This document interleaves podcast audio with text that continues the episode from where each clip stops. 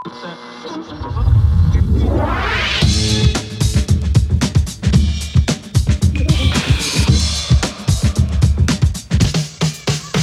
Paul. Welkom bij St. Paul's Boutique, de wekelijkse podcast vanuit Tivoli Vredenburg.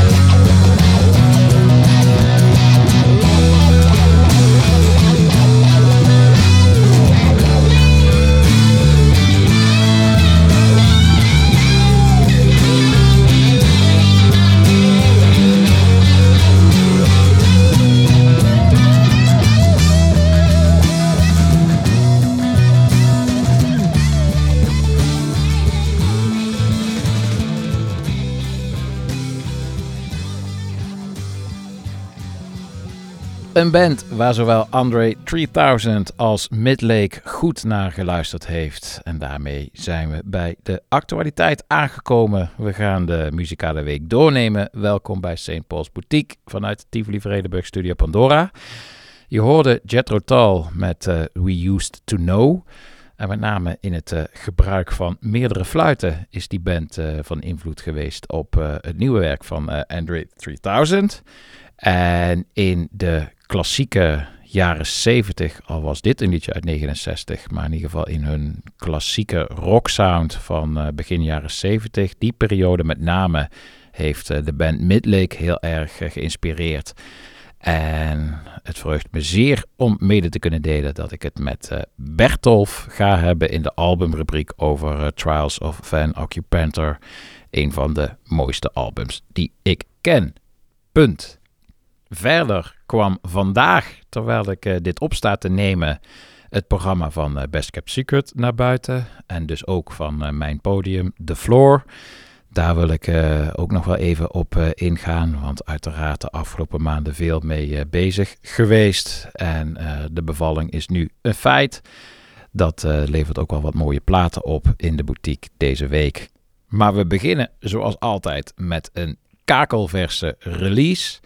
En die komt dit keer van Björk. Nou ja, kakelvers. Laten we het vers noemen. Want het liedje dat ze uitbracht deze week heeft ze al heel lang op de planken liggen al vanaf eind jaren 90. Het is liedje Oral. En eindelijk heeft ze het nu opgenomen en officieel uitgebracht samen met uh, Rosalia. Een zeer bijzondere combinatie van twee uitgesproken excentrieke artiesten die elkaar dus gevonden hebben in deze remake. Het heeft tevens ook een hele mooie clip opgeleverd en is voor nu de ideale doorstart van de St. Paul's Boutique. Björk Rosalia met het herboren Oral. Your mouth above my bed at night. My own, a private moon.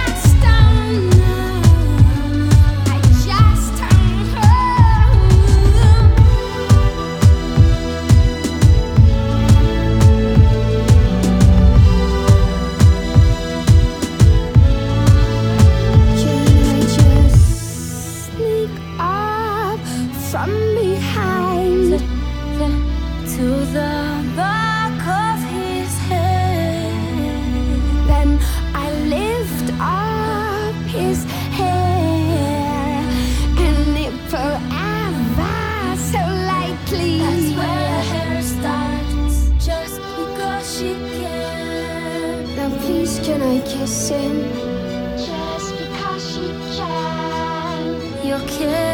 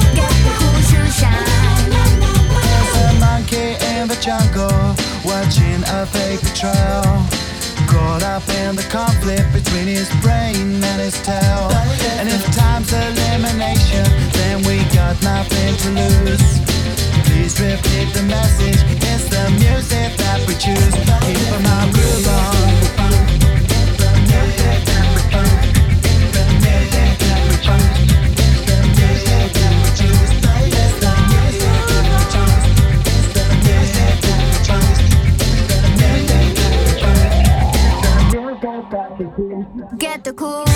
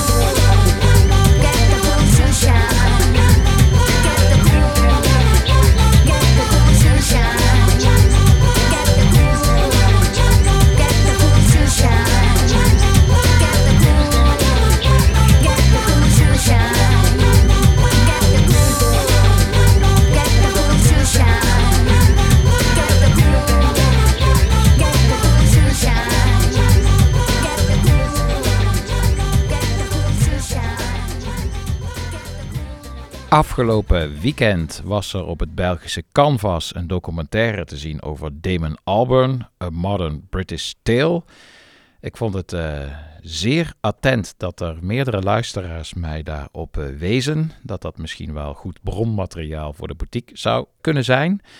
Ik heb helaas vanwege, het zal ook eens niet, eh, mijn werk niet kunnen kijken. Ik moest draaien, maar ik wou toch dit mooie initiatief om mij erop te wijzen belonen met eh, een liedje van de Gorillas dat je niet meer zo vaak hoort.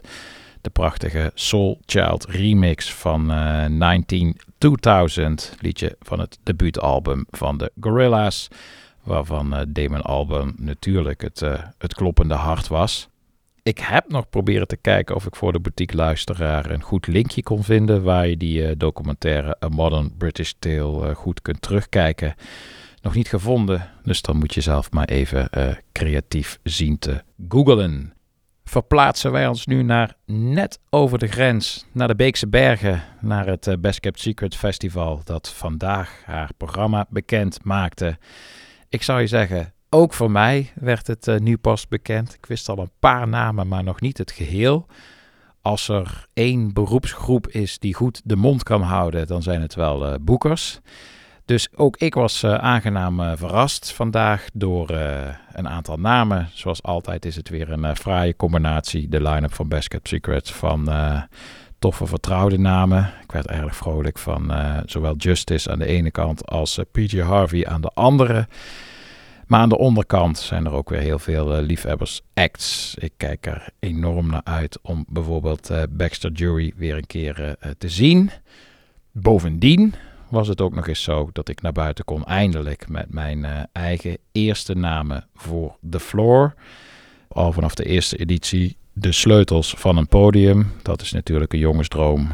En het mooiste vind ik dat het eh, podium eh, steeds groter wordt, maar dat ik op geen enkele manier dan ook gestuurd word om op andere wijze te programmeren. Dus ik doe lekker nog steeds wat ik vanaf dag 1 al doe. Gewoon favoriete selectors, favoriete artiesten en favoriete DJ's neerzetten op het podium en hun vragen om een uur lang hun favoriete muziek te draaien, vrije hand. En ik wil de komende platen even bij een aantal van die gasten stilstaan. Beginnen we bij eh, Filippi. Filippi komt uit eh, Brazilië. Ik had hem ook gevraagd om eh, te draaien in het concertgebouw. Afgelopen zomer, daar draaide hij een fantastische set. Daar hebben we ook contact aan overgehouden. Mooi vind ik dat. Zit je in één keer eh, heen en weer te DM'en via Instagram met eh, een favoriete producer uit eh, Brazilië. En het contact was zo goed dat ik hem heb weten over te halen om ook voor Best Kept Secrets nog een keer af te reizen naar Europa en te komen draaien dus op de floor. Dat stemde gelukkig. En dan valt het ook nog eens samen met precies deze week een eh, nieuwe release van zijn hand. Hij produceert al een tijdje voor het eh, Belgische Dewey-label, het label van eh, de gebroeders Soulwax. Hij doet dat onder meerdere aliasen, onder andere als Felipe E. Rodrigo. Heel veel van die tracks heb ik ook voor de vloer gedraaid. En nu is er deze week onder zijn eigen naam dus een nieuwe track verschenen. Hij heet Hasido en bestaat weer uit al die winnende elementen die het werk van Felipe en ook alles wat het Dewey-label uitbrengt eh, kenmerkt. Het is een vleugje electro, het is altijd disco, het is enigszins eigenwijs, maar bovenal bijzonder aanstekelijk. Hasido, nieuwe track, Filippi.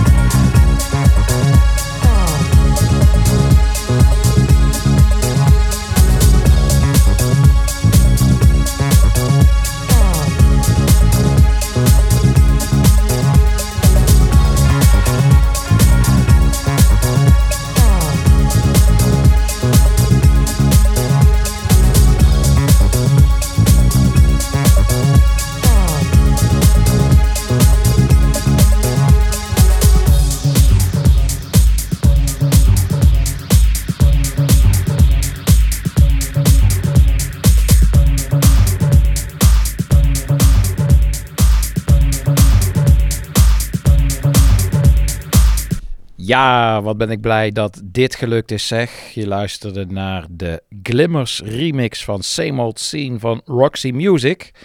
En de Glimmers, dat is een duo uit eh, Gent. En die waren echt, wat mij betreft, all over mijn sets in de Zero's in de tijden van de Electro Clash.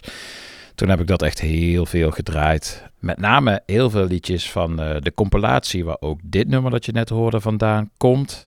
Is namelijk getrokken uit de mix-cd die de Glimmers eh, samenstelden voor eh, Fabric Live. Zij hebben sowieso in die tijd heel veel hele fraaie compilaties gemaakt. Onder andere een geweldige DJ Kicks. Zelfs nog een verzamelaar voor Blue Note. Ben behoorlijk fan van de Glimmers, maar al heel lang niks meer van gehoord. Ik dacht, ik eh, trek gewoon de stoute schoenen aan. Ik ga ze eens proberen te benaderen. En als je droomt, dan moet je ook maar gelijk de hemel als je plafond kiezen. Dus ik vroeg ze meteen ook maar of ze tijdens een van de golden hours, de uren waarop tijdens Best Kept Secret de zon ondergaat, en ik altijd eh, gasten vraag om binnen een bepaald thema te draaien, of de Glimmers dan eh, binnen de Electro Clash hoek een uur zouden willen vullen. En dat wouden ze. Dus ik vind het echt eh, fantastisch om hun eenmalig over te kunnen halen. En dan ook nog eens met eh, zo'n opdracht. En om het geluk helemaal oncontroleerbaar te maken, zag ik dus ook nog eens vandaag dat Justice, wat ik niet wist, ook geboekt is voor het festival op een van de hoofdpodia. Zo komt toch op een wonderlijke manier eh, heel veel samen. En een andere boeking waar ik eh, zeer vrolijk van werd, eh, al was het alleen maar door het voortraject van zeer veel vrolijke appjes en mailtjes. Dat is producer Dr. Moon. Die komt draaien met zijn dochter voor het eerst, een back-to-back set. En dat hebben we dan maar Dr. Moon back-to-back met Dr. Moon genoemd. Dr. Moon is officieel lid van de eh Wu-Tang Clan diaspora.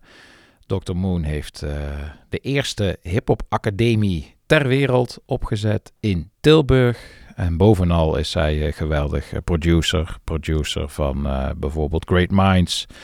En ook producer van Styx. En ik heb hem gevraagd of hij een beetje in de geest van zijn producties een uur wil vullen. En toen kwam al appende dus het idee tot stand om dat eh, samen met zijn eh, dochter eh, te doen, die 14 is, maar al zeer bedreven in het DJ'en. En toen hebben we even de reglementen moeten nazoeken, een en ander uit moeten zoeken. En toen bleek als we het nou gewoon braaf in de middag op een christelijke tijd doen, dat het gewoon kan, dat het gewoon mag. En waarom niet? Een eh, back-to-back van vader en dochter. Het breekt ergens al mijn hart als ik eraan denk. En dat ook nog eens eh, een eh, paar honderd meter verwijderd van waar ze wonen, van hun huis in Tilburg. Dat verdient natuurlijk een liedje ook hier in de boutique. Een liedje van de EP die hij samen met eh, Stix maakte. Dr. Moon samen met Stix. De EP Stick Bukowski. Ik ben echt helemaal fan van alles wat er op die schijf te horen valt. Het is een tijdreis door de zwarte muziekgeschiedenis. De ene sample is nog mooier dan de ander. En dat heeft alles te maken met die producties van Dr. Moon. Je gaat nu luisteren naar Maslow. Yeah, ik heb het voor ze. Aha. Mm. Soms voelt het aan alsof alles een gimmick is. Zelfs wanneer het om eerlijkheid in de Neem een hindernis en neem er nog een. Komt geen eind aan. Keizer Sosse, ik zie een web van leugens, leuzen en catchphrases. Om het gebrek aan content te verhullen van bedweters. Kentekens worden nagetrokken per sms of app. Zie wat een auto kan, zie wat je buurman heeft wat jij niet hebt. Zie hoe het plan ontvouwt. En passant de sociale controle zichzelf in stand houdt. Als ik vijf minuten er niet ben, word ik gemist. Als ik een week geen update doe, is er iets mis. Je kan niet groeien wanneer je in dat stramien zit. Je kan niet groeien wanneer je zonder een riem zit. Je kan je broek niet ophouden wanneer je zonder een riem. Ja, wanneer je zonder cream bij die mean zit. Er is nodig om creatief te zijn. Maakt niet uit wat je vindt van mij, zolang zuiver mijn intenties zijn. Underground rapper in de mainstream. Rode streep door je shit, dat is de Chevy van de 1-team. Ik leef op eigen tijd, ik leef eigenwijs. Ik heb wat voor ze. Ik heb wat voor ze. Is die hele shit.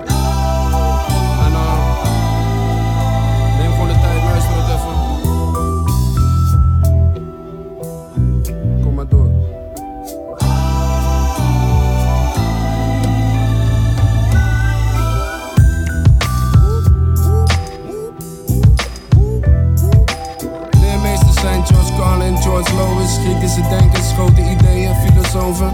Homie, de flow is nice, stilte is overdovend. Homie, de flow is nice, zelfs in morsecode. We morsen niet, houden het binnenboord als een resort. Delen het met de genodigden zoals het hoort. Move rond als een unit voor de support. En Case is een soort shoot night tijdens de Source Awards. Dus als je niet wil dat die danst in je clipje, kom naar de notch. Soms staat je trots in de weg, of slaat het om. In roekeloos gedrag, doe niet tof, fronten met flows. Wordt hoe dan ook bestraft, dit is die shit. Jullie not zo, ik bevind me op de hoogste tree van de piramide van Maslow.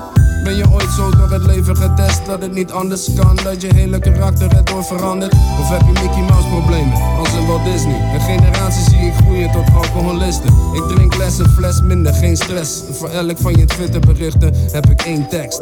Yes!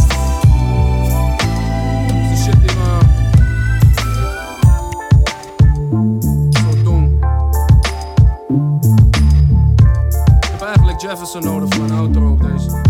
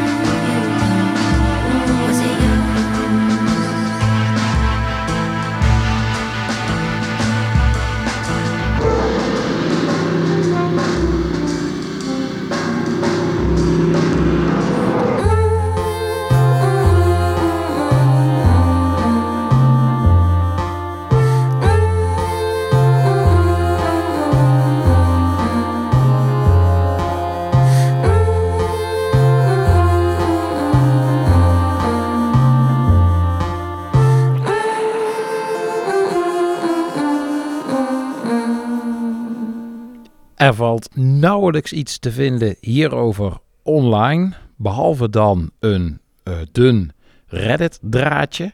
Je vraagt je af of het wel bestaat, maar dat doet het toch echt. Eh, sinds deze week ook op Spotify. Hanna Miette en Rosie Plain samen met Let Me Know. Prachtig minimaal liedje uitgevonden voor de eh, repeat-knop. En daarmee verlaten we voor even de dansvloer, de floor en Best Kept Secret. En maken we van de gelegenheid gebruik om een ander verslavend liedje te draaien dat deze week eh, verscheen. Liedje van eh, de Goa Express, favoriete Britse band.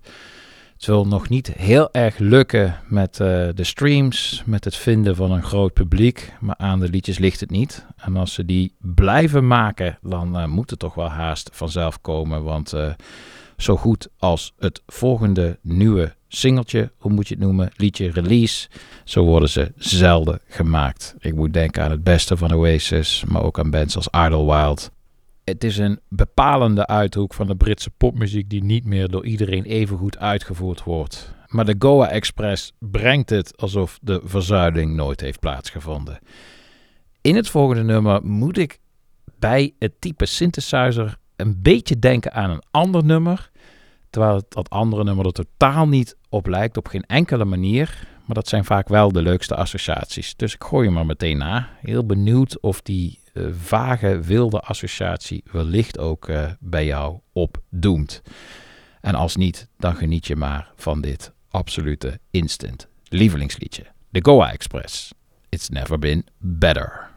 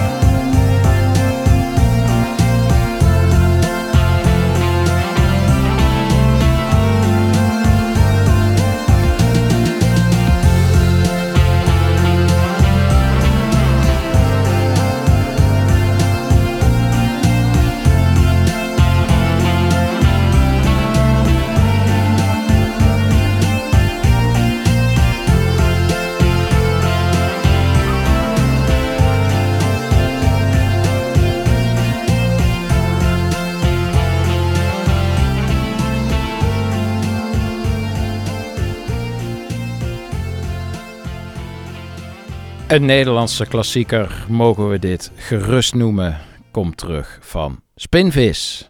En aan deze artiest kleeft toch ook wel wat zand uit de Beekse Bergen.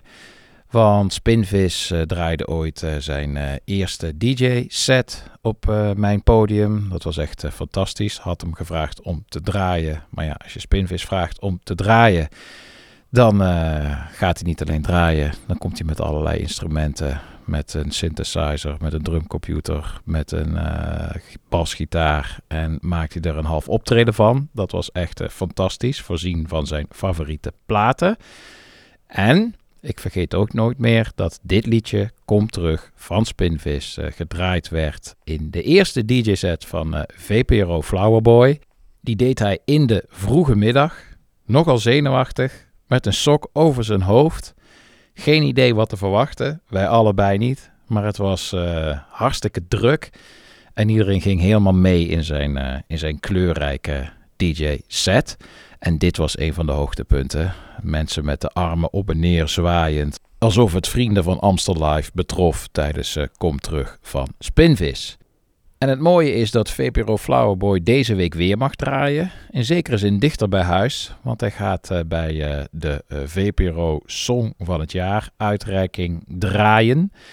En omdat hij dat nog steeds een beetje spannend vindt, komt hij net als de vorige keer voor zijn set op Best Kept Secret even bij mij thuis oefenen. Dat vind ik getuige van een mooie devotie aan zijn nieuwe leven als DJ. En dit heugelijke gegeven moeten we dan ook maar even aangrijpen om ons allen nu in de boutique eh, te verplaatsen naar de dansvloer. Want. Het is tijd voor de vloervuller van de week. En daarvoor gaan we naar een eh, opmerkelijke verschijning. Nou ja, verschijning. We weten eigenlijk niet hoe die eruit ziet. Hij hult zichzelf in mysteries en in anonimiteit. Komt uit Oostenrijk en luistert naar de naam Mietse Conte. Hij maakt een zeer vreemde eh, kruising tussen een beetje de hardcore uptempo elementen die je nu in heel veel muziek eh, terugkomt, terugziet. Maar hij doet het wel op een enorme quirky, beetje bijna indie-achtige manier. Het klinkt ergens ook wel als Postal Service, maar dan met een post-populisme ADHD sausje eroverheen. Zeg maar gerust saus. Vettige saus. Ik vind het een wonderlijke combinatie die eh, mij tot een eh, voorlopige fan maakt van dit eh, mysterie uit Oostenrijk. Je gaat luisteren naar zijn nieuwe deze week verschenen liedje Ah, Give Me Some More Time, Mietse Kante.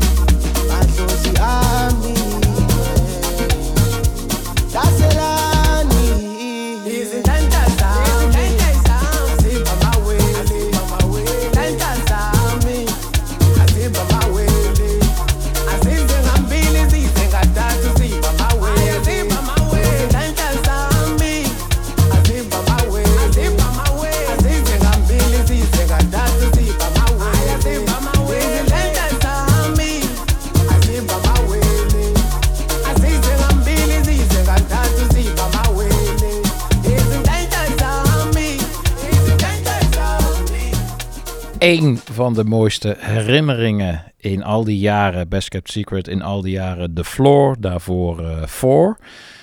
Dat was het optreden van eh, Unruly Phoenix. Ze was nog heel erg jong en begaf zich ook in een genre dat nog helemaal niet bekend was. Zeker niet bij het witte gedeelte van de eh, muziekliefhebbers.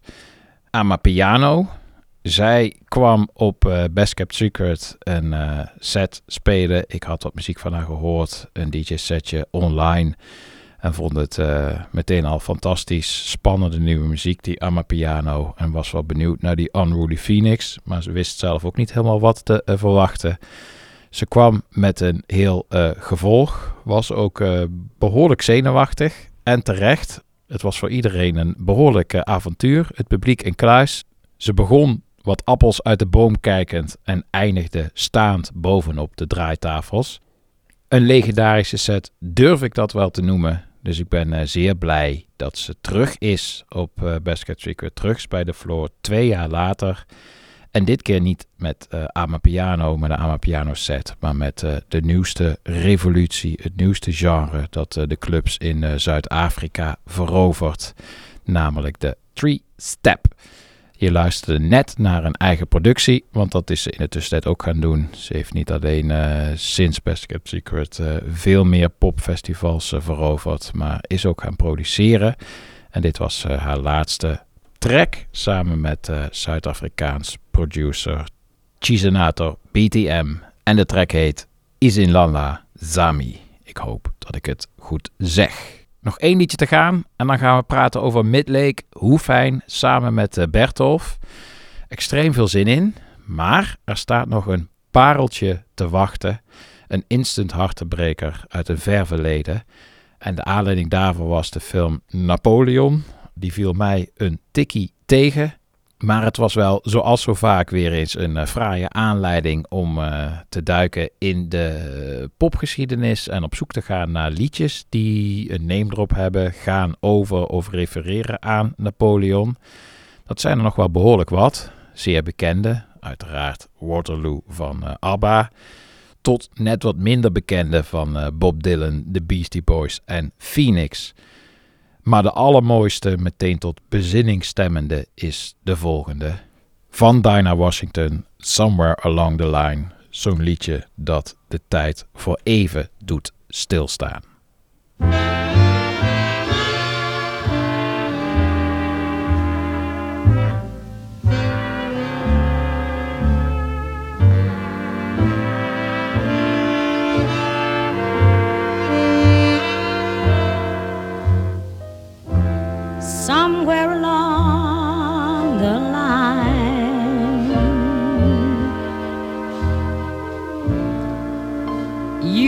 This heart of mine,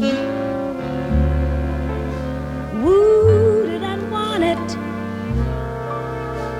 Now you would shine it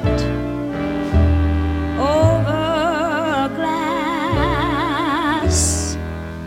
of wine. Friends knew it all the time no wedding bells would chime. I was just a young dreamer, no match for a schemer. Yours was a lover's crime. Folks gossiped it was too good to be true. And bet you'd search for someone new. This pendant world of ours mm, was paradise. I was blind with stardust in my eyes. While you like gambler with his last dime?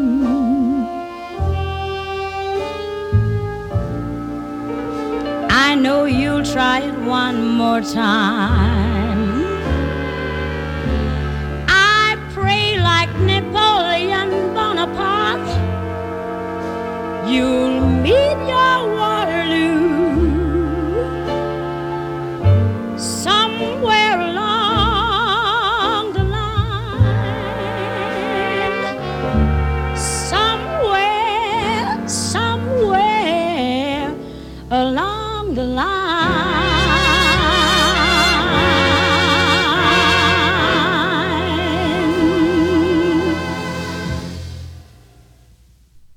hier gewoon eh, de studio eh, binnengevallen. Kijkt naar buiten en begint meteen op te scheppen over een toren in, eh, in Zwolle die hoger zou zijn dan de dom die net weer een beetje zichtbaar is. Ja, wij hadden in Zwolle inderdaad een, een hogere toren dan de Dom zelfs nog. Maar die is door blikseminslag is die, is die eraan gegaan. Dus dat was toch wel mooi geweest als wij in Zwolle een hogere toren hadden. Maar helaas. En wanneer vond dit fake news plaats? Het is echt zo. ik heb het van Wikipedia. Eh, nee, ik, eh, volgens mij is het, ja, dat zal wel ergens in 1700, 1600 zijn geweest dat die is. eh, Oké. Ja, ja. Ah. Nou, eh, de dom die staat nog vier overeind. Die staat nog eh. vier overeind, ja. Verdorie. De beste luisteraar, de albumrubriek. Aangeschoven uit Zwolle. Eh, naast me Bertolf Lenting, bij de meeste mensen bekend als Bertolf.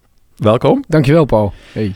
Ja, je hebt een fantastische plaat bij je. Maar voordat we daarover over gaan praten, ben ik toch een beetje benieuwd. Daar hadden we het net ook over in de lift naar boven. Ik herken me daar als DJ wel een beetje in. Heel veel muzikanten hebben een baan bij een band waarin ze de bas spelen. Dat is fantastisch. Maar jij bent zo eh, verspreid in jouw carrière. Dan sta je weer op het theater. Dan ben je weer dienstbaar bij andere eh, muzikanten. Dan wel als schrijver. Dan wel als, eh, als sessiemuzikant. Dan neem je weer een plaat op onder je eigen eh, naam. Dan ben je weer onderdeel van een soort eh, Nederlandse super, superband. Je doet ontzettend veel. Agenda ziet er elke keer anders uit. Op dit moment vertegenwoordig je de, de, de bluegrass. Mhm. Slurpt dat volledig alle aandacht op? Of is het dan nog steeds onderdeel van meerdere dingen die je aan het doen bent door de week? Nee, nu slurpt het wel echt alle, alle, alle headspace op, zeg maar. Omdat het ook wel een... eh, eh, ik, ik ben daar ook mee op tour. En dat is ook wel eh, intensief qua... weet je wat, wat ik speel op gitaar. En daar ben ik dan ook wel op aan het studeren. En dat aan het verbeteren. En kijk, wat kan ik nou nog toffer doen in de solo. En, dus dat is, daar ben, zit ik wel helemaal in. Het is nog geen, ik heb, zeg maar, ik tour tot en met december. En in januari komt er dan eindelijk eigenlijk weer wat meer... eh, rust en, en ruimte. En dan ga ik, daar heb ik met mezelf afgesproken, dan ga ik eindelijk weer eens lekker allerlei andere dingen luisteren en kijken of er weer zin komt in, in eh, andere dingen schrijven en eh, geïnspireerd raken en dat soort dingen. Ja. Er was zelfs een Uur van de Wolf documentaire Ja. over je bluegrass persona. Ja, over de bluegrass persona. Gemaakt. Ja. Ja, dat was heel leuk. En dat, dat, kwam eigenlijk tot stand do- omdat ik, eh, je noemde al die Nederlandse supergroep, zeg maar, met de, de Musketeers waar ik in zat. En eh, Marcel de Vree, regisseur van Uur van de Wolf, die volgde dat ook eventueel ook al voor U van de Wolf. eh, of dan wel op het promomateriaal. En ik raakte met hem in gesprek, omdat hij is heel erg fan van gitaren en gi- gitaristen. En had een clip met hem. En toen had ik mijn hele Nashville-avontuur geregeld. En toen had ik Marcel aan de lijn. Zo van, nou ja, ik ga naar Nashville en eh, weet je wel, mijn grote helden opnemen. Ja, en toen was hij wel geïnteresseerd. Zo van, dat is, eh, dat zou, daar zit ik, zie ik ook wel een docu in. Dus toen heeft hij dat mooi zo eh, verkocht eigenlijk aan, aan de NTR. En zo van, dit is, moeten we volgens mij doen. En dat was uiteindelijk te gek. Ook juist dat, dat die ploeg mee was naar Nashville om... Ja, voor mij was het een droom die uitkwam. Maar het gevoel dat dat dan ook nog is vastgelegd, weet je wel. voor, voor altijd. Het geeft het nog meer glans voor mij. Ja, en het heeft ook een soort, wat ik altijd wel mooi vind bij eh, het ouder worden van artiesten, zijn toch ook een beetje van die full circle momenten. Dat Ja. je eh, het ook een beetje je terugbrengt naar je roots. Volgens mij heb je ook eh, via de Bluegrass bij je in contact gekomen met Ja. Ilse de Lange, waar je in de band hebt gezeten in het begin. Ja. Dus het, is ook, het komt ook weer terug. Er komen heel veel dingen terug. Ja, en natuurlijk, ja, het, voor, het is voor mij inderdaad, vertel ik ook in Theater Bluegrass, was echt voor mij de, de, de eerste muziek waar ik verliefd op werd. En waar, waar voor mij de hele bal mee is gaan rollen. Waarom ik überhaupt gitaar wilde gaan spelen. Waarom ik überhaupt wilde gaan zingen. En nou ja, waardoor ik in muziek ben getrokken. En eh, het heeft natuurlijk ook veel met mijn vader te maken. En eh, nou, die wordt ook wat ouder. En inderdaad Ilse. En, dus er komt heel, inderdaad heel veel bij elkaar. En gewoon de, de, de, alle helden waarnaar ik al luister sinds dat ik zes was of zo. Dat, dat ik daar nu mee in de studio zat. Dat is eigenlijk wel echt bizar dat Ja. het gebeurd is. Ja, Ja. fantastisch. Ik zal die eh, documentaire ook in de show notes eh, plaatsen. Leuk, ja.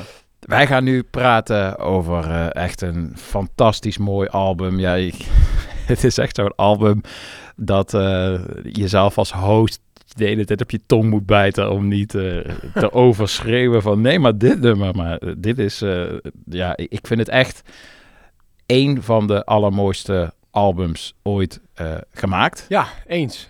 En allebei te trappelen, maar ook bij jou, Bertolf, de openingsvraag, de vaste openingsvraag van de boutique. We gaan het hebben over het tweede album, The Trials of Van Occupanter van Midlake. Do you remember the first time? Yes, I do. Eh, ik heb het volgens mij leren kennen omdat ik toen in 2006, eh, komt het album uit toch? En toen werkte ik bij de Plato in Zwolle. En eh, ja, dat, dat was echt een soort paradijs, want toen dan kwamen de platen binnen en die gingen dan op. En eh, nou, als ik het dan mooi vond, dan kon ik het mee naar huis nemen, weet je wel. Dus dit was zo'n plaat die ik in de winkel hoorde voor de eerste keer en dacht, wow, wat is dit mooi en wat is dit goed. En eh, dus die heb ik gelijk diezelfde dag mee naar huis genomen. En nou, dit, dit is voor mij wel echt de, de plaat van, van de jaren nul, voor, weet je wel. Dit is de beste plaat sowieso, maar ook misschien de plaat die ik het meest beluisterd heb. Vooral in die tijd ook. En kun je nog een beetje herinneren waar de verslaving hem in zat? Waar sloeg je het meest op aan? Ja, ja op, van alle. Ik denk misschien eerst wel die stem. eh, die natuurlijk ook. Ik was al bijvoorbeeld heel erg Rufus Wainwright fan. En, en dat zit wel ergens. En Tom York en Radiohead natuurlijk. Dat zit er wel ergens een beetje in, in die stem. Dat hele melancholische. En ook een beetje soort nasale. Eh, daar hou ik over het algemeen wel van. En de meerstemmigheid natuurlijk die erin zit. Die heel slim en goed gedaan is. En als groot Crosby, Stills Nash Young fan en 70s fan. eh, het sprak mij dat natuurlijk ook gelijk aan. Het gitaarwerk. eh, vond ik heel tof. Maar, en ook de sound wel. Die, die natuurlijk ook heel erg naar de, naar de 70s knipoogt. Of, of eigenlijk misschien zelfs bijna letterlijk is. Ja. Ja, dat gitaarwerk, dat is meteen een mooie link. Ook die je niet in eerste instantie zou verwachten naar eh, de bluegrass, waar ik even bij stil wil staan ook. Want wat mij verbaasde is dat ik las dat eh, eigenlijk alle bandleden elkaar hebben leren kennen uit een voorliefde voor jazz. Ja. Het waren oorspronkelijk jazzmuzikanten. Ja. Dat vind ik al een prachtig beeld. Dat verklaart ook wel waarom het... eh, aan de ene kant is het een klassieke Zero's rockplaat. Maar door de enorme muzikaliteit en, en, en bepaalde solo's van... eh, of dat nou eh, orgelpartijen of, of gitaarpartijen zijn... heeft het ook dat, dat vrije jazzgevoel. Ja. En ook wel door jou, dat, dat ik jou volg en dat zag. En ik Bluegrass altijd wel van een afstand gewaardeerd heb... maar er niet zo heel veel vanaf weet... ben ik het ook weer in de aanloop van deze podcast wat meer gaan luisteren. En dan lees je dat de bluegrass ook heel erg qua structuur eh, en, en solo's van gitaren en vrijheid ook heel erg geïnspireerd is op jazz. Zeker, ja, ja, het wordt de jazz van de countrymuziek genoemd. Maar het is, het is, er zit heel veel improvisatie in bluegrass. Eh, en eigenlijk is het... Je hebt vaak een liedje, gewoon compleet refrein. En dan heeft de mandoline zijn solo, compleet refrein en dat doet de banjo zijn solo. En eh, dat zit er heel erg in. En, eh, en, en ook weet je, dat, dat applaus naar solo's, wat, wat je in jazz ook hebt, dat is bij bluegrass ook. Weet je. je gaat ook echt voor de instrumentalist naar bluegrass kijken. Niet alleen voor de liedjes. En, eh, dus dat, ja, zeker zit dat erin. En, en ook heel veel bluegrass muzikanten. En vooral de, de generatie waar ik dan fan van ben, zoals de Jerry Douglas, weet je, die op Dobo speelt. En die zijn op een gegeven moment in de jaren 70, 80 ook juist heel veel jazz-invloeden in hun werk nog gaan eh, incorporeren. wa- waardoor het ja, eh, daar nog meer tegen aanschurkte dan het al deed voorheen of zo. Ja, en, een- en een prachtige brug dus ook naar eh, een Bertolf die in 2006 na dit album eh, in de Plato voor het eerst zit te luisteren. En ik kan me gewoon helemaal voorstellen dat er dan voor jou ook zoveel voorliefdes meteen eh, samenkomen. Ja, nee, dat klopt ja. Dat was, eh, het was gewoon eh, meteen raken. En het, het had ook eh, iets... bijvoorbeeld zo'n eerste nummer, dat Roscoe, dat, het is ook heel raar op een of andere manier. Dat Dus, dus het voelde wel vertrouwd, maar ook, ook wel nieuw. Eh, omdat ik, die zanglijn, die, die, die meandert zo heel raar over die akkoorden met hele lange zinnen. En, en het blijkt zo van, hij loopt, zich, hij loopt helemaal vast.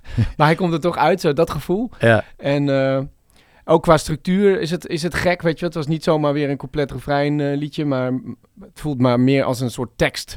Een hele uitgebreide tekst die dan, die dan zomaar op muziek is gezet. En inderdaad met instrumenta- instrumentale stukken er doorheen. En, eh, want dat zeg jij, die, die het zijn inderdaad solo's, maar wel...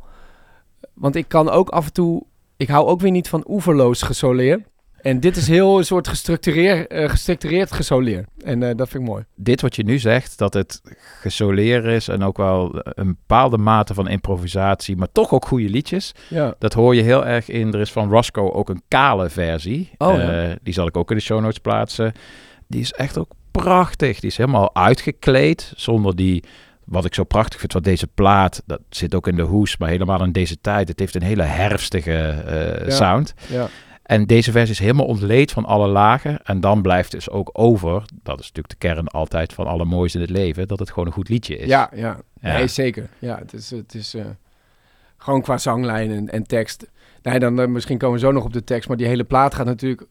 Ik, ik weet helemaal niet eens, want ik heb heel weinig interviews gelezen over die plaat of zo. Dus ik heb maar, maar door de jaren heen helemaal mijn eigen invulling aangegeven. Maar het, het gaat voor mij heel erg over een soort terugkeer naar een wat eenvoudiger leven. Of hè, het leven met, met de natuur in een soort houten huisje ergens in een, in een bos op een heuvel. Dat, toch, daar, daar gaat het heel erg over. En eh, zo van, als het, als het, lak, als het dak lekt, dan, eh, dan gaan we dat repareren. En dan, ben ik, dan zijn we alweer gelukkig voor de rest van de dag, toch? Of, of- Ja, ja, ja. Hij, hij heeft zich eh, ingeleefd in het hoofd van een 19e eeuwse kluizenaar. Oh, oké. Bij het schrijven van deze plaat. Aha. En het was, gaf hem de vrijheid om eigenlijk ook dingen te zeggen over deze tijd. Ja. Maar als je dat in real time doet, dan krijgt het vaak iets belerends. Ja, dat-. Doordat hij zich dan inleeft in het, in het hoofd van de, in, het bo- in het bos levende 19e eeuwse kluizenaar. Die zich inderdaad druk maakt toen al om, eh, om, om, om klimaat, om omgeving, om omgangsvormen. En Ja.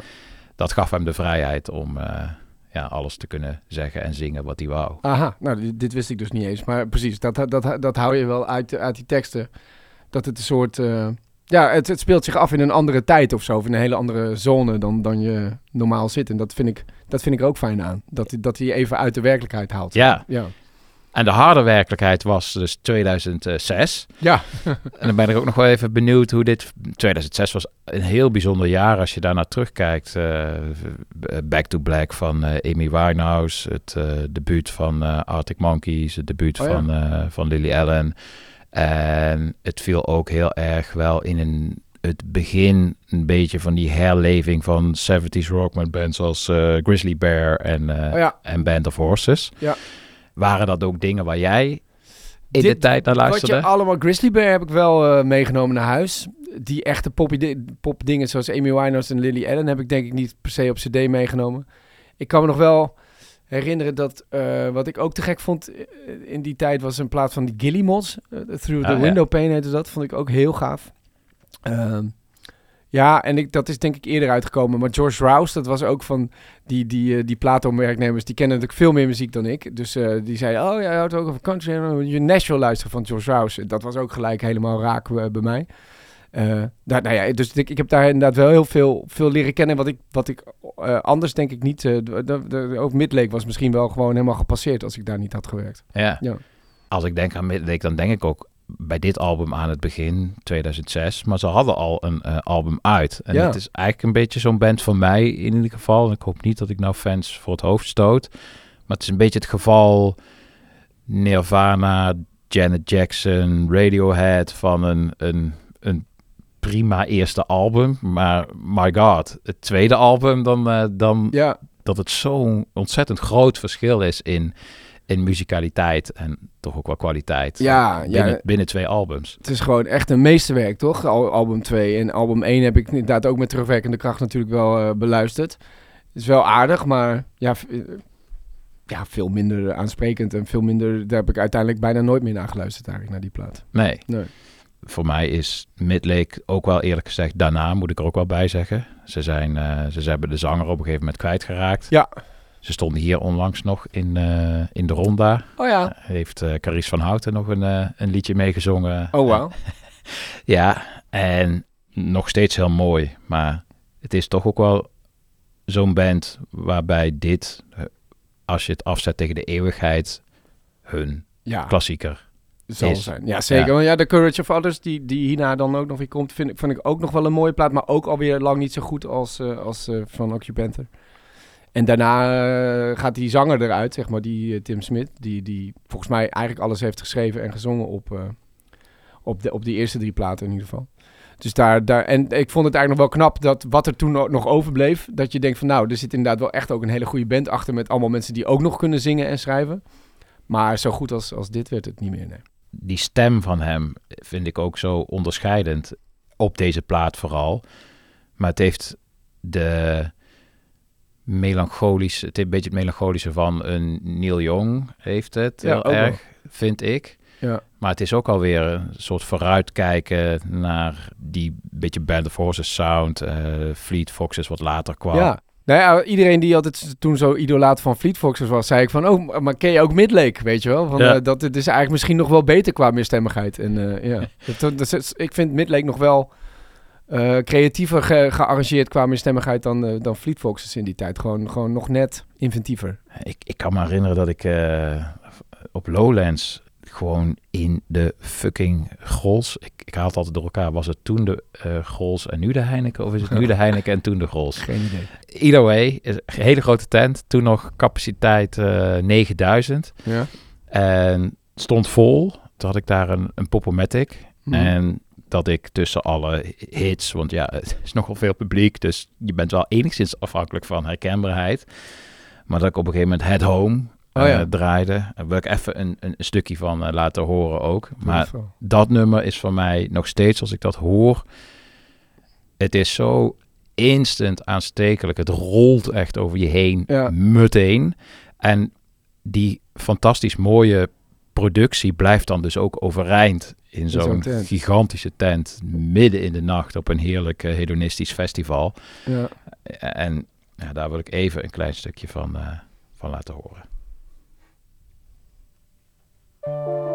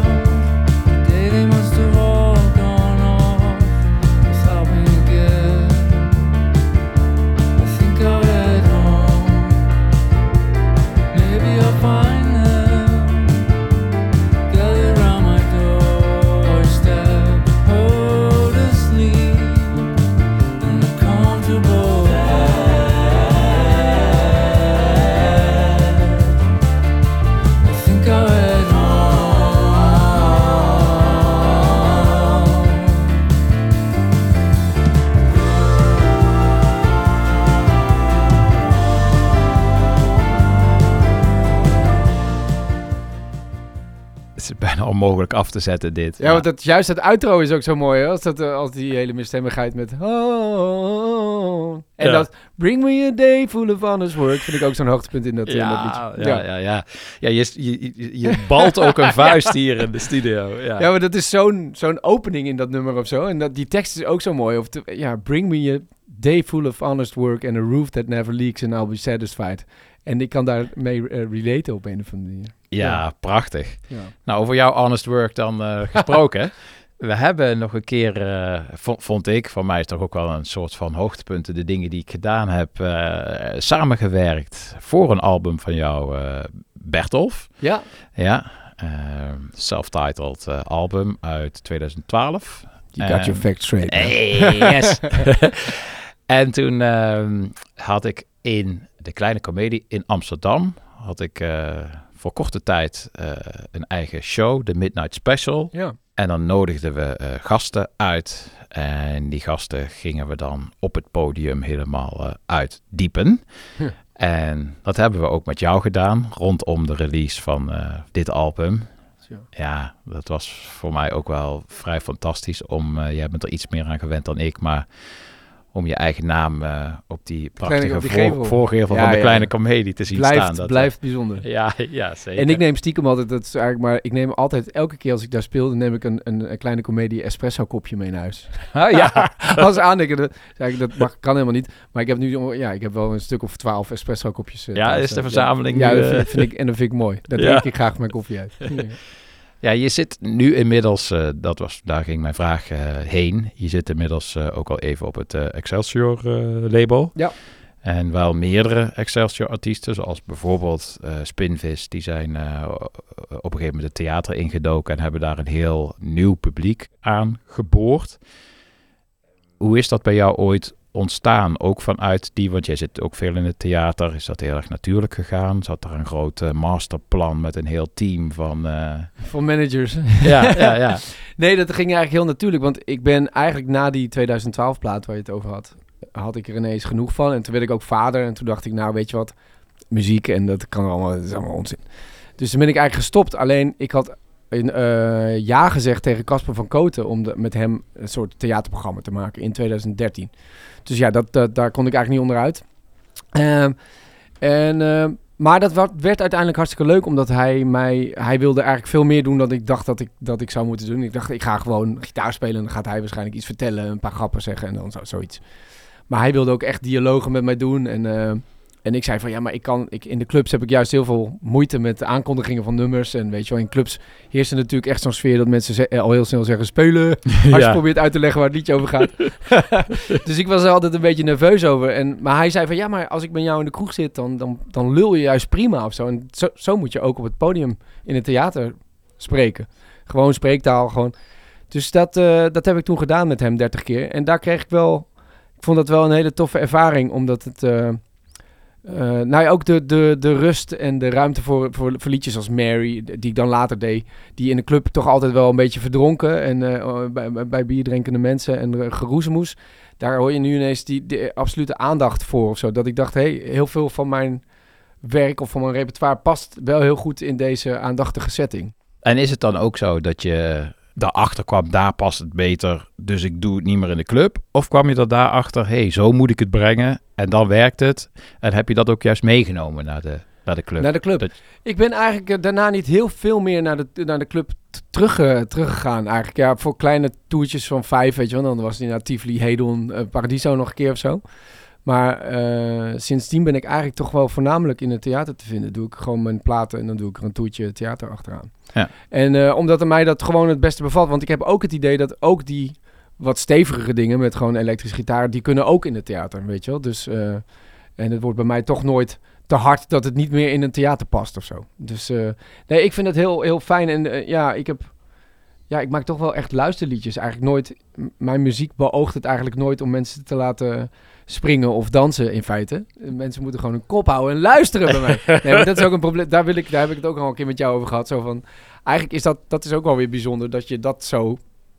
Blijkbaar dat dat eruit komt, dat je dat wil. Het komt ook omdat ik zelf zo'n muziekbelever ben. Ik, ik eh, ben ook echt een luisteraar en ik, ik ga het liefst zitten en naar een band luisteren en kijken. En Ja. minder voor Zo van, nou, ik, ben niet zo'n danser. Ik ben ook niet zo'n iemand die nou zo gaat, eh, gaat eh, eh, springen voor een podium of zo. Dus ik maak dat ook niet omdat ik dat niet ken of niet ben zelf of zo. Maar uiteindelijk vind ik het, merk ik wel dat hoe, ik vind het ook enorm lekker om liedjes te hebben die, die drijven op groove en ritme. Waarbij je eigenlijk al bij de eerste maten, zeg maar, mensen al hebt.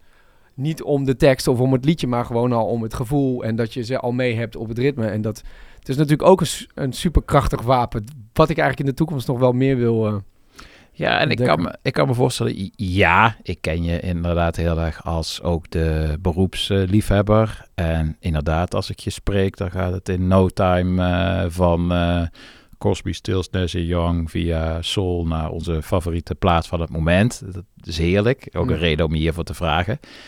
Tegelijkertijd zou ik me kunnen voorstellen dat juist waar je nu mee bezig bent, juist de energie van eh, Bluegrass zich ook wel weer zou kunnen lenen. En ook waar het vandaan komt, het toch met beide eh, voeten in de, eh, in de, in de Amerikaanse klei, Ja, ja, dat ja. dat ook weer zou kunnen passen in het, in het clubcircuit. Ja, nee, en dat gaan we ook wel doen hoor. We, we gaan ook een aantal clubshows spelen. En, en dat is heerlijk aan de, aan de Bluegrass, is dat het zo... Ik heb ook best wel zware theaterprogramma's gemaakt, waar het over mijn eigen somberheid ging en, en, en liedjes. En, maar dit is zo licht eigenlijk en zo op tempo en, en up, eh, überhaupt, dat het is een heel fijn programma om te spelen ook. Ik, vind, ik merk wel hoe zwaarder je programma is, hoe zwaarder het ook is om te spelen. En, want mensen gaan ook mee in dat zware gevoel en die gaan allemaal een soort depressief naar buiten. heb ik ook wel het gevoel gehad, zo, want ik heb ze nou echt een beetje naar beneden gepraat. Dat moeten we ook weer niet hebben. Ah, ik Dus vind dit het is- altijd wel lekker hoor. Ja, dat ja, vind- dat, ja. dat, dat mag van mij wel. Ja, ja. Sowieso als het leed omgesmeed wordt tot iets moois, dat vind ik al geruststellend. Eén. Ja, ja. En twee, de, de erkenning en herkenning bij anderen vinden is juist. Ik, kom, ik Ja, vind is dat eh, dus is ook het, is zo, allebei, het moet vooral allebei bestaan. Zelfs op een dansvloer vind ik dat er ruimte moet zijn voor, voor allebei. Ja. Eh, dus blijf vooral ook het eh, theater en, en de club doen. Ja, precies. Nog even één ding wat ik wil aanstippen. Dan gaan we weer terug naar het album. Dan gaan we ook langzaam toewerken naar je favoriete nummer. Wat we zo meteen in zijn geheel gaan, gaan draaien. Maar ik vind het ook nog even mooi bij jou om aan te stippen dat eh, je volgens mij eh, grofweg twee soorten muzikanten hebt. Een beetje banaal wellicht, maar het valt me wel vaak op als je kijkt hoe mensen werken. Dat de antwoorden vaak in de hoek liggen van, oh, ik ben heel eh, intuïtief. Ik zie iets om me heen en ik schrijf daar ter plekke waar ik me op dat moment ook bevind een liedje over. Mhm. En je hebt à la Nick Cave, de artiest die een studiootje heeft in zijn, eh, in zijn achtertuin. Ja. En daar eh, s ochtends met een eh, broodrommeltje met drie boterhammen s- stroop met kaas. Nou, nou projecteer ik Ja. naar binnen gaat. En dan s'avonds keurig voor het avondeten weer aanschuift bij de familie. En dan... als het een beetje mee zit, een, Een mooi, liedje mooi heeft. liedje heeft Ja, ja, geschreven. ja. En volgens mij behoor jij bij de laatste met de studiootjes erachter. Ik heb een studiootje in mijn achtertuin, inderdaad. En dat, maar het is- die manier van werken, eh, de, de Nick Cave manier, zeg maar, is bij mij wel echt ontstaan toen ik eh, kinderen eh, had, zeg maar. Want ik was er ook wel gewend, eerlijk gezegd, om als, als de inspiratie ineens toesloeg om, om, om één uur s'nachts, om dan nog lekker wat te schrijven. Maar dat op een gegeven moment kan dat niet meer en, en moet dat anders. Dus toen dacht ik, oké, als ik wil doorschrijven en, en nog dingen wil maken, dan moet ik het echt gaan inplannen nu.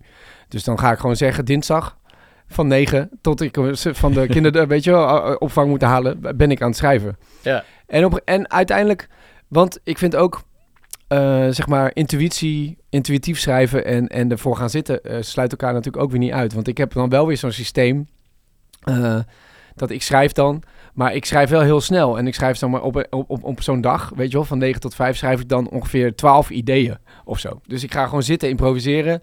En dat gaat dan, doe ik dan heel lang tot er die improvisatie op een soort van liedje gaat lijken. Dan ga ik er verder ook niet aan werken. Dan ga ik bezig met het volgende idee. Dus ik zit daar niet al uit te werken. Ik zit daar vaak gewoon ideeën te verzamelen. Ja. Eh, want ik merk namelijk heel erg dat hoe sneller je schrijft, of hoe minder rationeel je schrijft, zeg maar, of hoe minder in je hoofd je zit in ieder geval, hoe beter het vaak wordt. Dan komt het toch van een andere plaats. En dan heb ik dan, eh, de, de- dat vergeet ik helemaal door het eten. En dan ga ik gewoon eh, afwassen en weet het. En dan s'avonds, dan luister ik die twaalf ideeën terug. En dan ga ik schriften en dan denk ik, dan zijn er vaak één of twee ideeën die eventueel de moeite uit, eh, waard zijn om later uit te werken. En, en, dat, en dat is dan fase 2, zeg maar, de, de wer- uitwerkfase. En hoe denk je, als je met jouw geoefend oor naar luistert, dat deze plaat tot stand is gekomen? Ja, ja, volgens mij, ik heb er wel over gelezen dat het in ieder geval qua opnames eh, een lange, lange plaat is geweest om, om te maken. Dus volgens mij hebben ze daar heel lang perfectionistisch aan gewerkt met allerlei verschillende versies en eh, dingen weer opnieuw spelen. Maar qua, qua schrijven eh, heb ik wel, ja, omdat, omdat jij al zegt, ze hebben natuurlijk wel, of die schrijver of die Tim Smith had wel een, een, voor, eh, een concept in zijn hoofd, toch? Over waar het over moest gaan. En dat is wel lastig, want dan moet je wel eigenlijk heel trouw, conceptueel niet zomaar, we- weet je wel, je hebt inspiratie en eh, nou, dit liedje gaat daarover, dat liedje gaat daarover. Dus hij heeft het wel, eh, ja, daar zit ook wel heel hard, veel hard werk in en niet alleen maar inspiratie, zeg maar. En, eh, dus ik denk dat het, maar ja, dat is altijd een combinatie van beide. Ja, Ja, ik las dat zijn twee grootste inspiratiebronnen voor dit album, dat waren voor hem ook twee uiterste. Eh, dat was aan de ene kant was dat Radiohead. Ja. En dan eh, met name OK Computer. oké. Eh, en aan de andere kant, dat verbaasde me wel enigszins, was het Jethro Tull. Ja, daar heb ik hem ook wel eens wat over horen zeggen. Daar komen al die fluiten vandaan, denk ik dan. Precies, ja. Ja. En hij zei, dat vond ik wel grappig, en dat verbaast me ook enigszins. Hij zei dat Radiohead's manier van muziek maken, ik denk ook wel door zijn jazz-achtergrond, was voor hem makkelijker. Dat Hmm. luisterde hij ook veel meer. Juist alle geniale structuren en wendingen waarvan je zou denken dat kost het meeste werk, die had hij het snelste voor dit album. Oké. Maar die het meeste tijd aan, eh, aan, aan kwijt was in de hele aanloop, was om die, waar hij heel erg fan van is, die vroeg jaren zeventig eh, eh, rock tussen aanhalingstekens, sound van bands als Jethro Tull, wat, wat hij dus echt, dat vindt hij bijna de perfecte popsound, of zoals Oh ja? muziek zou moeten klinken voor hem. En dat hij daarom dat klassieke gevoel te krijgen, daar heeft hij de meeste tijd. Dat vond hij het verreweg het moeilijkste om dat te realiseren. Oh, maar ik hoorde ook wel, to- toen je net het home opzette, dacht ik, dat is inderdaad ook als die drums invalt, is het gewoon Fleetwood Mac, toch? Hoe er gespeeld wordt en hoe die drums klinken ook. Ja. En dat, dat en zit er don't, ook heel fear, don't Fear the Reaper moet ik ook aan denken Ja. als ik dat hoor van Blue Oyster Cult. Zeker, dat, dat zit er allemaal, ook qua drumsound gewoon heel erg inderdaad in. al. En, eh, Laten we een nummer in zijn geheel gaan draaien. ja, mijn die- favoriet moet het dan worden. Ja, of een nummer, eh, je mag lekker zelf bepalen. Het kan niet zijn waar we het over gehad hebben. Het kan ook gewoon inderdaad je absolute favoriet van het album zijn. Ja, het grappige is, weet je wat, ah, nou ja, ik vind eh Rasco natuurlijk geweldig. Dat, dat, dat was er, ja, het is misschien voor mensen misschien wel de beste kennismaking, want die heeft volgens mij ook het breedste publiek uiteindelijk eh, bereikt. Meest gestreamd inderdaad. Ja, ik vind Bandits ook geweldig. Hoe, hoe dat begint met die 12 snaar gitaar en dat, en dat coupletje. Dat, maar het is wel... En wat eigenlijk misschien wel mijn favoriete liedje is... en die zit een beetje weggestopt op kant 2. Het is een heel kort liedje, maar it covers the hillside. Dat vind ik eh, misschien niet eens het meest diepe nummer. Het me- misschien wel een van de meest lichte nummers. Maar laat ik die eens kiezen, want dat is een nummer... wat misschien mensen dan niet per se gelijk kennen van deze plaat. Originele keuze. Ja. Daar houden we wel van hier. Ja, dat dacht ik al. Bij de boutique. Hartstikke bedankt. Superleuk. Super Ja, fijne keuze ook. eh. Ja, het is een. eh, nou, het is wel grappig, want ik heb deze platen ook. We rijden natuurlijk altijd naar optredens toe. En eh, ook de, de, de, de, mijn bandgenoten, die wat jonger zijn dan ik. En dan laten we elkaar natuurlijk dingen horen. Maar de- hier hadden zij weer geen enkel idee van, nog nooit gehoord van deze plaat. Maar wel ook direct raak bij hen. Zo van, wow, wat is dit dan? En, dus ik vind het wel leuk dat, dat nou, om zo'n plaat onder de aandacht te blijven brengen. Ook van, van allerlei andere mensen. Omdat het is natuurlijk geen, geen algemeen geaccepteerd meesterwerk als in, eh, weet je wel, de- wat iedereen kent of zo. Maar Ja. zou het wel moeten zijn. Nee, ja, nee, het zou niet eh, bij Galit en Sophie als eh, klassieker eh, behandeld worden. nee, en dat precies. zou inderdaad wel zo moeten zijn. Alleen als jij daar aan tafel zou zitten. Nou, Ja. Moeten we maar eens regelen dan. Vind ik wel, ja. En wanneer sta je weer in het theater met je band? Morgen alweer. Oké. Ja, we spelen nog eh, twaalf shows. Eh, we gaan deze week naar Emmen en Oldenzaal en De Meren. En, eh, maar dat is nog wel leuk, want we spelen in april een clubshow hier in Tivoli trouwens. En dan gaan we dus wel de clubs in met Bluegrass. En dus dan gaan we proberen zoveel mogelijk up en weinig melancholie. en eens kijken of mensen ook met een biertje in hun hand een beetje kunnen, kunnen springen erop. Ja, mooi. Ja. Ja, ik zal erbij zijn, Bertolf. Graag, we van harte uitgenodigd. En eh, ja, genoegen je hier eh, gehad te hebben als gast in de albumrubriek. Thanks for having me. Sure. En jullie ook allemaal eh, heel erg bedankt voor wederom een St. Paul's Boutique. Heel erg graag weer tot volgende week. En we laten je achter met het prachtige It Cover the Hillsides van toch wel absolute klassieker The Trials of Van Occupantor.